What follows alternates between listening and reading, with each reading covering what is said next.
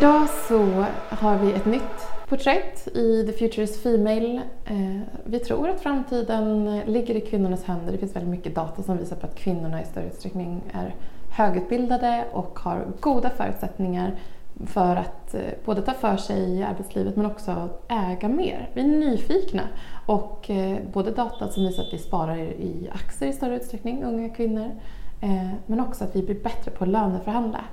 Och idag så har jag eh, förmånen att få sitta ner med eh, en entreprenör och en, en kämpar, alltså du har en kämparglöd av det jag sett, eh, av den, det som jag har kunnat följa dig på. Och det är ju du Camilla Läckberg. Tack. Var har du fått den här, det här liksom, ja, kämparglöden ifrån? Jag vet inte riktigt eh, själv. Eh, grundas för kanske någonstans i lite hybris, att jag tror att jag kan åstadkomma allt som jag drömmer om. Men eh, det är någonting jag tycker att vi kanske borde ha lite mer av vi tjejer, lite hybris. Och eh, jag tycker om att jobba hårt men jag tycker också om att sätta upp omöjliga mål. Mm. Du har ju haft en otrolig resa. Du är uppväxt i Fjällbacka mm. som du också skriver om i, i den, första, den första boken Isprinsessan som du släppte. Mm. Och har man fått följa ditt perspektiv på den, den staden mm. eh, så att säga. Eh, men har du alltid velat bli författare och hur landade du i, i den? Jag har drömt om att bli författare ända sedan jag var liten. Det har alltid varit min, min rockstjärnedröm om att bli författare. Men jag trodde faktiskt inte att man skulle kunna bli det. Jag hade inte det självförtroendet eh, från början alls. Utan jag blev ju civilekonom istället.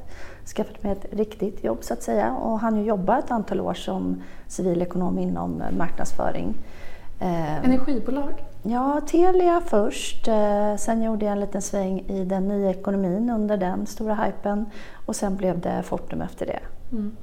Men så gick jag en skrivarkurs och det var den som gav mig eh, den där gnistan att faktiskt våga prova den här drömmen.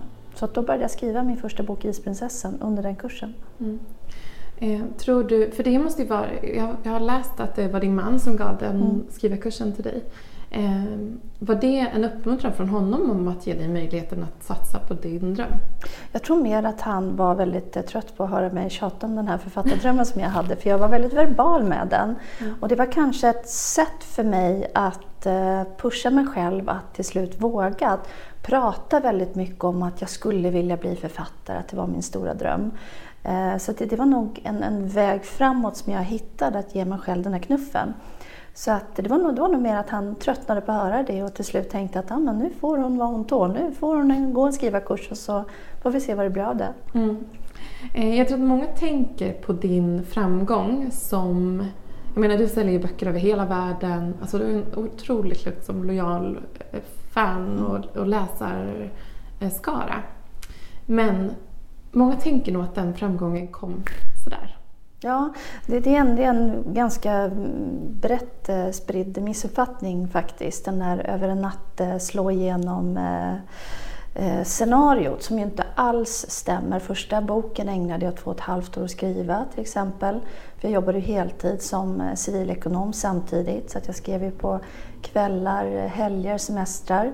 Sen eh, skrev jag ju ytterligare två böcker under tiden som jag hade två bebisar väldigt tätt, mina två första barn som kom med ett och nio års mellanrum och istället för att sova när de sov så skrev jag. Så att det har ju inte kommit gratis någonstans och det kan jag ibland bli lite irriterad på att det är den bilden man har. Mm. Och jag har också läst, och jag tycker det är så fint exempel på det här jävla anamma som man faktiskt behöver eh, som om man vill bygga ett bolag eller komma någon vart. Eh, och det var att du åkte runt på bokturné och det var innan, för du fick någon form av distribution eh, via någon modetidning. Eh, med, var det den första boken? Ja, nej, men så här var det. Eh, första boken antogs av ett väldigt, väldigt litet eh, förlag, Varneförlag Göteborg, som egentligen mest gav ut faktaböcker. Ehm, så att jag gjorde väldigt mycket av fotarbetet själv. Jag ringde tidningar själv och sa, ska inte ni intervjua mig? Jag reste runt till bibliotek och föreläste till bokhandlar. Ofta så kom det ingen och ville ha någon boka mig. Ehm, utan då tog jag tillfället i akt och skärma bokhandlaren istället. En timme eller två som jag satt där, de var ju fast hos mig liksom, så då kunde man ju skärma dem istället. Ehm, så att det, det var ju liksom en lång införsäljningsfas som jag till stor del drev själv. Men sen kom mitt stora genombrott när Damernas Värld valde att plocka upp Isprinsessan som medföljande pocket. Och jag tror den gick ut i 170 000 ex eller någonting sånt. Och där kom mitt stora genombrott. Mm. Eh, och att då sitta i, all, i alla de här städerna och fortsätta medvetet så här, ah, men jag, jag, jag har ett syfte med det mm. jag gör. Det visar ju på en, en, en, ett hårt arbete helt enkelt. Det är nog någonting jag fått med mig hemifrån. Att jag alltid varit väldigt, väldigt medveten om att eh, hårt arbete är det som krävs för att ta sig någonstans. Och jag har alltid jobbat väldigt mycket. Jag började väldigt tidigt. Jag började sommarjobba redan som 11-åring fast man inte fick det egentligen. Eh, och jag städade församlingshemmet i Fjällbacka på helgerna, hela universitetet, så jobbade extra som eh, blackjack dealer. Så för någonting, det är någonting som hela tiden har funnits väldigt naturligt för mig. Att vill man åstadkomma någonting så finns det liksom inga gratis luncher utan det är bara att kavla upp ärmarna för att stapla klyschorna på varandra. Mm. Um, alla vet ju att du är en författare av, mm. av rang. Men du har även profilerat dig, skulle jag ändå vilja säga, lite mer åt att dels eh, lyfta jämställdhet på olika sätt via de kanaler som du når ut på. Eh, men också faktiskt vara med och bidra med finansiering. Berätta om hur det kom till och vad du drömmer om där. Alltså för mig så vaknade nog de här eh, jämställdhetstankarna ganska sent måste jag skamset erkänna. Ehm, efter 40 någonstans började jag reflektera över det. Och eh, jag tror att mycket har att göra med att min äldsta dotter, hon är 16 nu, att hon är på väg ut i vuxenlivet och att jag börjar liksom se hennes förutsättningar utifrån Eh, hennes perspektiv. Och det skrämmer mig för att jag ser ju att mina söner har ju per automatik bättre förutsättningar än mina döttrar. Och där någonstans så vaknade mitt intresse. Och sen finns det ju olika sätt att bidra. Dels har jag ju mina kanaler där det når ut och har ju mer och mer också börjat inse att med en röst så kommer ett ansvar. Och eh, sen gillar jag att vara praktisk, att hitta praktiska sätt att bidra. Det är lätt att snacka men till exempel investeringsfrågan där det är ju bedrövligt statistiskt sett ehm, vad gäller kapital till entreprenörer, om de är manliga eller kvinnliga. Då fanns det ju en konkret möjlighet att faktiskt göra skillnad. Mm. Vad för typ av bolag ser du efter där? Det finns två kriterier, antingen bolag som drivs av eh, kvinnliga entreprenörer eller bolag som har produkter, tjänster eh, för kvinnor. Så att vi har ett ganska brett perspektiv där men det är klart att det är väldigt eh, tungt vägande med en kvinna bakom rodret. Mm. Um, om det är någon som lyssnar som kanske har en liknande ambition och du har varit inne lite på det med att ja, hårt arbete är det som mm. gäller. Men om man har en författardröm, vad, vad, vilka råd skulle du ge? Jag har några råd som jag har filat fram genom åren. För jag får ju väldigt ofta frågan, även på Instagram till exempel, så får jag väldigt ofta frågan att hur ska jag göra för att bli författare? Eh, jag tycker en skrivarkurs är ett bra sätt att eh, börja att lite grann eh, doppa tårna och känna på format. Man kan lära sig väldigt, väldigt mycket, få väldigt mycket verktyg. Sen är ju bästa skolan för att lära sig skriva, det är ju att läsa mycket. Så det är egentligen mitt allra främsta råd, att läs mycket böcker. För att då lär du dig väldigt mycket om rytmen och tekniken i skrivandet. Mm. Och sen det tredje rådet, eh, som man liksom inte kan komma förbi och som många inte riktigt tänker på, det är rumpan på stolen. Många tror att man går och väntar på någon slags inspiration och att man ska känna för att skriva den dagen eller att det bara ska komma till en. Eh, men det funkar inte så, utan det är som vilket jobb som helst. Man kan inte känna efter på morgonen om man är lärare om man har lust att gå till jobbet eller inte, utan man går till jobbet, punkt slut. Mm. Och det är samma med ett författarskap. Du sätter dig vid datorn den dagen, vare sig du vill eller inte. Mm. Eh, du nämner din dotter som en anledning till att reflektera över förutsättningarna för mm. henne och dina pojkar. Eh, men vad betyder jämställdhet för dig personligen? Alltså min önskedröm för framtiden om eh, jämställdhet är att det är någonting som ska vara en icke-fråga och att ord som feminism och så vidare ska vara helt över, eh, överflödiga. Eh, för att för mig handlar det inte om någon slags kamp mellan könen, att det ena är bättre eller sämre än det andra, utan dels ehm, se oss som individer, som människor i första hand. och omfamna att man kanske är olika bra på olika saker. Men eh, att det inte ska spela någon roll om man är man eller kvinna. Mm. Utan att det är kompetensen som ska räknas. Ehm, ägande är ju en viktig del av, av den här jämställdheten. Mm. Och har liksom kommit lite i skymundan ändå. Och det förstår jag ju. Till de som har ägt har ju ägt. Ja. Och har inte haft någon, liksom, inte vunnit på att andra börjar prata om ägande som inte äger. Det är mer pratat om toppositioner och styrelseplatser och så vidare Exakt. än om ägande. Exakt. Eh, men det är så mycket. Jag hade ett samtal med en, en man som har startat en investmentbank här för något år sedan. Och så sa jag, men vi måste liksom, vi feminist vill jobba mm. med ägandefrågan och mm. lyfta det på olika sätt. Och han bara skrattade och så sa han, mm. men all makt är ägande. Så. Mm. Ehm, men har, har, den här, har du tänkt på det här? Eller har det förändrats? Eller har, det, har du tänkt på det här? Frågan? Nej, men alltså, det, det, alltså ägande är ju makt skulle jag vilja vända på det och säga. Och det, det, det är ju inflytande och det är ju inflytande vi behöver skaffa oss. Eh, och framförallt makt över vår egen situation. Och äger man så har man ju väldigt mycket makt över sin situation. Men eh, det är så svårt att eh, bara lyfta ut de här frågorna enskilt för att det hänger ju ihop. Vi har ju till exempel fortfarande en väldigt, väldigt obalans i hemmen. Vi kvinnor har ju lyckats ändå eh, de sista decennierna få tillträde till arbetsmarknaden, till skolorna. Vi har ju kämpat till oss väldigt mycket liknande förutsättningar, ändå knaprat oss närmare männens förutsättningar.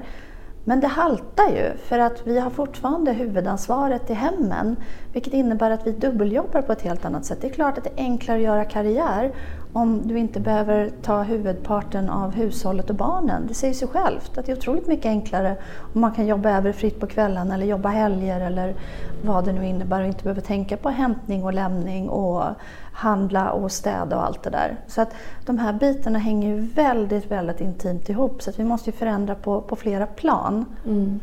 Och där tänker jag liksom kan vara bra med så rutiner för att om man är en person som tar på sig mycket ansvar och bara okej, okay, men jag löser det, jag fixar det. Eh, att faktiskt skapa liksom grundläggande rutiner i, även i hemmet för okej, okay, de här dagarna släpper jag eller det kan vara ett sätt att liksom komma runt det. Jag läste eh, bara för någon dag sedan om eh, på Twitter en, ett, eh, en tweet som en person sa Ja men jag hörde precis liksom av en eh, person att, att eh, killar kan tänka på tre saker medan tjejer kan tänka på 300 mm. ungefär samtidigt och bolla dessa tankar. Och min fråga är vilka tre saker tänker ni på män? Ja, precis.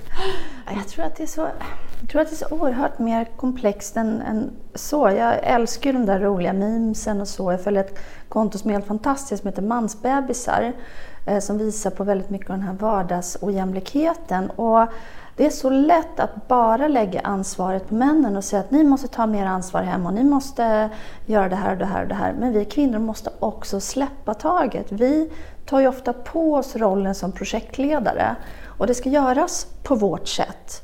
Eh, så att det, det, är ju ett ge och ta. Att å ena sidan så måste männen kliva fram och ta för sig ett större ansvar i hemmet. Men vi kvinnor måste också släppa. Och det kanske inte måste göras. Äpplet kanske inte måste skäras på exakt det sätt som vi vill att det ska skäras. Det kanske finns fler sätt att skära ett äpple. Ehm, och det är ett fånigt exempel. Mm. Men det, det, handlar väldigt mycket om det också, att ta ansvar för sin egen situation och sina egna val. Att om man väljer att vara hemmafru till exempel, det har varit en våg senaste åren då det har lite grann blivit populärt igen att, att eh, som kvinna säga att jag vill vara hemma och ta hand om barn och hem. Och jag har ingen värdering emot det på något sätt. Det är det tuffaste jobb som finns, att vara hemma med barn. Eh, och då, det som händer då bara att då måste man ju själv som kvinna se konsekvensen. Vad händer om du stannar hemma i 15-20 år, eller 10 år, eller 5 år och du inte vidareutbildar dig, din utbildning blir föråldrad, ditt CV stannar av, du har inget aktuellt på ditt CV, du har ingen arbetslivserfarenhet som är aktuell. Vad händer om du vill lämna eller blir lämnad eller man separerar och man står själv?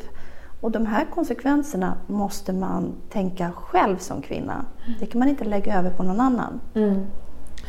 Eh, och det här är ett jättebra resonemang som verkligen man behöver ha reflekterat över tidigt. Eh, och, eller desto tidigare desto bättre. så man vet var man är på väg någonstans. Men det här är ett råd egentligen av dig att ge vidare, eller som du ger vidare. Men har du, har du någon annan tanke om vilken förebild du vill vara för alla kvinnor som följer dig? Alltså jag blir stressad bara vid tanken på att vara en förebild med tanke på hur eh, väldigt inte perfekt jag är någonstans. Så att eh, det blir lite grann såhär, nej, nej, nej, mm. gör inte som jag. Eh, men samtidigt så är jag ju självklart medveten om att många kvinnor tittar på min karriär och tittar på hur jag kombinerar familj och karriär och så vidare. Så det är jag ju någonstans medveten om. Och det jag tror att jag framförallt vill förmedla genom mina sociala kanaler, genom mina intervjuer, det är just det här med hårt arbete. Att det har inte kommit gratis någonstans. Man kan inte tro att någon någon dag ska knacka på dörren och erbjuda någon chans eller att det finns eh, någon enkel väg till framgång. Det kommer med ett pris och det priset är hårt arbete. Mm. Eh, och jag skulle säga, alltså bilden av författaryrket, till en början mm. i alla fall, innan man har kanske en, liksom, en möjlighet att anställa och så vidare, mm. det är att det är väldigt ensamt. Mm. Eh, man måste sitta där själv och mm. liksom lägga tiden och skriva. Eh, och du också var ute och sålde in och ja, men du, mm. du, du var liksom, är duktig på att jobba själv. Mm. Sen, samtidigt så har du ju andra samarbeten också med andra kvinnor. Och hur, hur, vad, vilken roll trivs du bäst i och hur, vad tänker du om att liksom delegera och sådär? jag är en jättekonstig kombination av ensamvarg och eh, social. Eh, jag älskar att vara social. Jag har mycket vänner, stor familj och eh, gillar att anordna stora middagar och mm, träffa kompisar. Men jag älskar också att vara själv och jag är uppvuxen som ensambarn. Um, och jag tror att det kanske kommer därifrån. Jag satt på mitt rum och läste en stor del av min uppväxt och har alltid trivts väldigt bra i mitt eget sällskap och sett det som en väldigt, väldigt stor styrka. Så att jag, jag har nog en väldigt, väldigt eh, märklig kombination där. Mm. Och det var någon delfråga, det var någon del till av den frågan. Ja, hur du tänker på att släppa kontrollen exempelvis och ge något Ja, ja, så det här med att släppa kontrollen är ju någonting jag har ett problem med. Jag är ju kontrollfreak av rang. Så att jag blir väldigt stressad när jag ska försöka delegera men samtidigt måste jag ju det. Så att jag har ju ofta väldigt långa samarbeten med de människor som jag arbetar med. Mm. Och I början så ligger jag ju dubbelkollar och trippelkollar allting de gör och är fruktansvärt enerverande. Men efterhand som jag märker att det funkar det blir levererat på det sätt som jag vill, då kan jag gradvis slappna av och släppa kontrollen. Men, men det är definitivt ett område som jag kämpar med. Mm. Um, du jobbar ju också kan jag tänka mig en hel del hemifrån, skriver mm. hemifrån och sådär. Hur delar man upp det här privatliv och arbetstid och så? För mig går det ganska naturligt. Jag älskar att vara hemma och jag sitter och jobbar framför datorn så jag har ju mordprogram på Dplay typ på under tiden jag jobbar. Jag har alltid kunnat jobba samtidigt som jag liksom haft ett öga på, på TVn. Är det för tyst så kan inte jag koncentrera mig nämligen. Um, så det, det för mig faller sig ganska naturligt. Jag har min lilla rutin. När barnen kommit iväg till skolan så lullar jag runt en stund i min pyjamas och så gör jag lite kaffe och så unnar jag mig någon kanske halvtimme att bara liksom ta det lugnt och sen sätter jag mig vid datorn och så skriver jag. Sen tar jag lunchpaus och skriver ett par timmar till och när barnet kommer från skolan så är liksom min arbetsdag över. Mm. Så det är som kontorstimmar fast hemma. Mm. Eh, vad tänker du om liksom, kvinnor som är på arbetsmarknaden som kanske inte liksom, ja, tar för sig ekonomiskt exempelvis med löner och sådär. Det finns ju en del data exempelvis som visar att, att kvinnors löner stagnerar efter mm. Efter att man har fått barn och utvecklingen går inte uppåt på samma sätt som för män, även Nej. många år därefter. Nej, alltså vi kvinnor har en tendens att vara tacksamma eh, på ett sätt som män inte är. Män tycker liksom att de är värda så mycket mer medan vi inte riktigt tycker att vi har samma värde. Nu generaliserar jag ju väldigt, väldigt hårt förstås. Eh, men jag tror att det är någonstans där i den botten som problemen ligger. Att vi, vi vågar liksom inte kliva in till chefen och säga att vet du, jag tycker jag är värd mer än så här. Utan vi är så tacksamma för det vi får. Vi har också en tendens att göra oss väldigt så här oumbärliga på arbetsplatsen. Jag har jättemånga vänner som så här, täcker upp hela tiden för andra. Och jag säger, men varför gör du det? Jo, men det blir inte gjort annars. Mm. Nej, då upptäcker man ju inte att det finns ett problem här, att den personen inte gör sitt jobb. Eftersom du täcker upp och håller på att gå in i väggen som ett resultat av det. Och det är någonting, vi är väldigt omhändertagande och vi täcker gärna upp. Mm.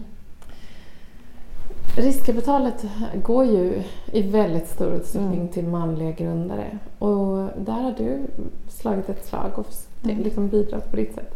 Vad tror du mer behövs till där? Ja, alltså som jag varit inne på förut så tror jag också att kvinnors tid måste frigöras. Det tar en enorm mängd tid att starta upp ett eh, eget bolag. Eh, alla som startar en egen business säger ju ett par år in i att hade jag vetat hur mycket jobb det var så vete sjutton om jag hade gett mig på det. Fast de säger ändå alltid med ett stort leende och en stor stolthet över vad de har åstadkommit. Men att kunna göra en sån satsning, att bygga upp ett eget företag, det kräver ju ett enormt stöd hemifrån. Och har man inte det så är det svårt. Mm. Jag fick ju också det rådet att så här, det första jämställda beslutet du ska Mm. fatta det är har jag en jämställd partner? Ja, och det är också så att men ta de här diskussionerna innan man skaffar barn till exempel. Jag är helt förbluffad ibland över eh, vänner, bekantskapskrets runt som skaffar barn och sen blir de helt förvånade över att eh, partnern inte har tänkt sig att man ska dela. Man bara, hur kan man inte ha den diskussionen innan man fattar ett sådant stort beslut? Varför går man inte igenom de här sakerna? Hur ska vi sköta vår ekonomi? Hur ska vi dela föräldraskapet? Alltså det är ju så grundläggande att det är något man sätter sig ner och kommer överens om från början, kan jag tycka. Men där tror jag lite grann man inte vill förstöra den romantiska upplevelsen. Mm. Eh, alltså att vara en förebild och ha liksom, ja, men många som följer dig och ser upp till dig. Men vem följer du och vem ser du upp till? Eller det kanske är någon annan historia som inte finns kvar i livet längre. Men... Så jag har ju, det är författare som alltid har varit eh, mina rockstjärnor och mina stora idoler. Och en av de första eh, av mina ledstjärnor inom författarskap och som jag tycker är en oerhört cool kvinna, det är Agatha Christie. Mm. Och ju mer jag läser om henne desto mer imponerad blir jag över hur hon i den tid som hon levde verkligen, verkligen gick sin eh, egen väg. Så att eh, det är någon som har inspirerat mig under hela min författarkarriär. Mm. Jag hörde någonstans eh, något citat från henne om att hon pratade om sig själv så här, nej men jag är inte författare, jag är hemmafru. Ja, Fast samtidigt så fattade hon ju alla de beslut som Ja. hon ville eh, i sitt liv. Så att det var nog en liten eh, diskrepans mellan självbilden och den hon verkligen var. Eh, har du någon dold talang? Eh, någon dold talang? Alltså jag brukar försöka att inte dölja mina talanger utan jag brukar försöka att liksom så här, eh, sprida ut dem så gott det går. Eh, jag kan prata som kalanka, Mm. men det brukar mest roa tvååringar. Eh, och eh, det händer att jag går ner och brygger på fester. Ja. Fast mitt problem där är att det är väldigt imponerande när jag går ner men sen kommer jag inte upp. Nej. Så fler, fler talang, dolda talanger än så har jag inte. Allting annat har jag liksom försökt att vräka ut där i världen. Men jag ser tre grymma talanger. Kalle Anka, bryggan och författarskapet. Tack. Ehm, vi pratar ju mycket om ekonomi också i Mm. det här sammanhanget och eh, vill ändå lyfta liksom, vi har väldigt olika förhållningssätt till vår Mm. egen ekonomi. Har du något liksom lifehack eller något eh, ekonomiskt tips eller så som du vill dela med dig av? Jag gjorde en enormt nyttig övning eh, när jag gick på universitetet. Eh, jag hade ju då studiemedlet att hushålla med. Och man hade liksom inte riktigt koll så där varje månad vart pengarna bara tog vägen. Så att jag bestämde mig, gud jag kommer låta så tråkig nu. Jag bestämde mig för att jag skulle anteckna varenda minsta liten utgift under en månad. Så att från den första den månaden till den sista den månaden så hade jag med mig en liten anteckningsbok. Det här var ju före iPhonens eh, tid. Och så skrev jag upp så här, en kaffe för fem spänn. Liksom. Det, det, allting åkte in, minsta lilla krona åkte upp i den här. Och sen satte jag mig och summerade. Och det, det är faktiskt en övning som har varit med mig här mentalt tillbaka ända sedan dess. Så att alltid lite ha koll på vart går pengarna egentligen? Mm. Ehm, hur tänker du runt investeringar? Ja, alltså jag har ju eh, fram tills jag började investera i bolag så har jag för egen privat del hållit mig väldigt mycket ifrån aktier. Jag har haft lite fonder med väldigt, väldigt trygga fonder. Och det har baserat sig väldigt mycket på att jag inte känt att jag haft kunskapen och inte haft tiden att eh, sätta mig in i det och då vill jag inte hålla på med det heller. Så det har jag hållit mig väldigt mycket ifrån. Så jag har investerat väldigt mycket i mitt boende istället. Fastigheter har det blivit. Inte som spekulation utan eh, som ett sätt att, eh, ja, men, det är en viktig del av mitt liv men det har också visat sig vara goda affärer. Mm. Och nu senast, berätta om det senaste Ja, eh, vi sålde precis vårt eh, landställe i Norrtälje och har istället köpt ett eh, renoveringsobjekt i Tyresö. Så att nu ska det renoveras som 17. Mm.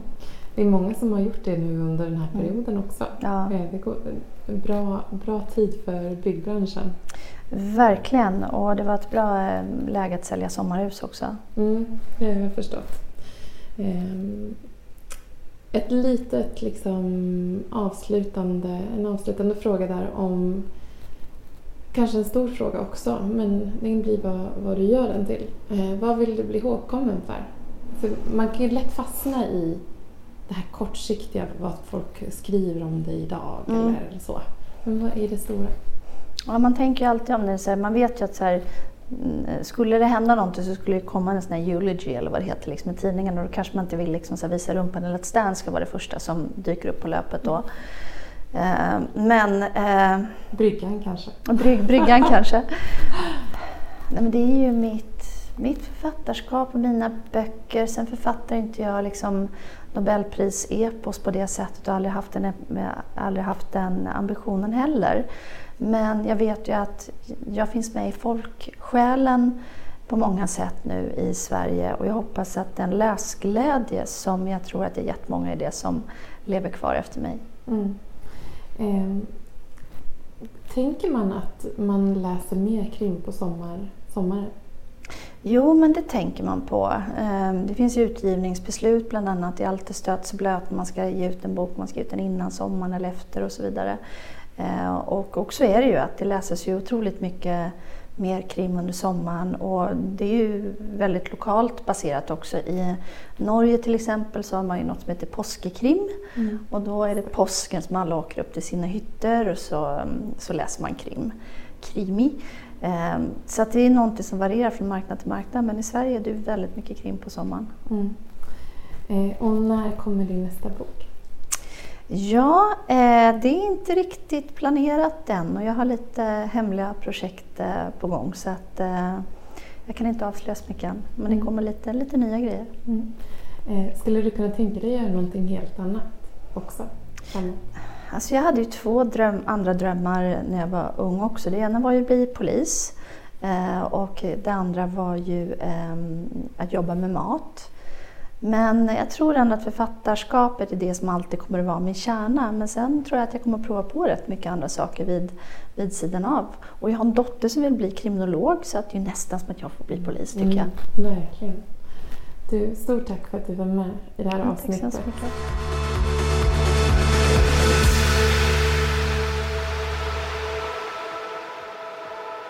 Feminvest är Sveriges största investeringsnätverk för tjejer. Vi vill att allt fler ska våga äga och förvalta. Och hur gör vi då detta? Jo, vi vill inspirera, utbilda och utmana runt ägande, investeringar och entreprenörskap. Följ Feminvest på våra kanaler Facebook, Instagram, Youtube varje vecka så kommer vi även ut med en podd och du kan ju självklart även följa nyheterna som publiceras på feminvest.nu. Det är bara att söka på Feminvest på samtliga kanaler så hittar du till oss.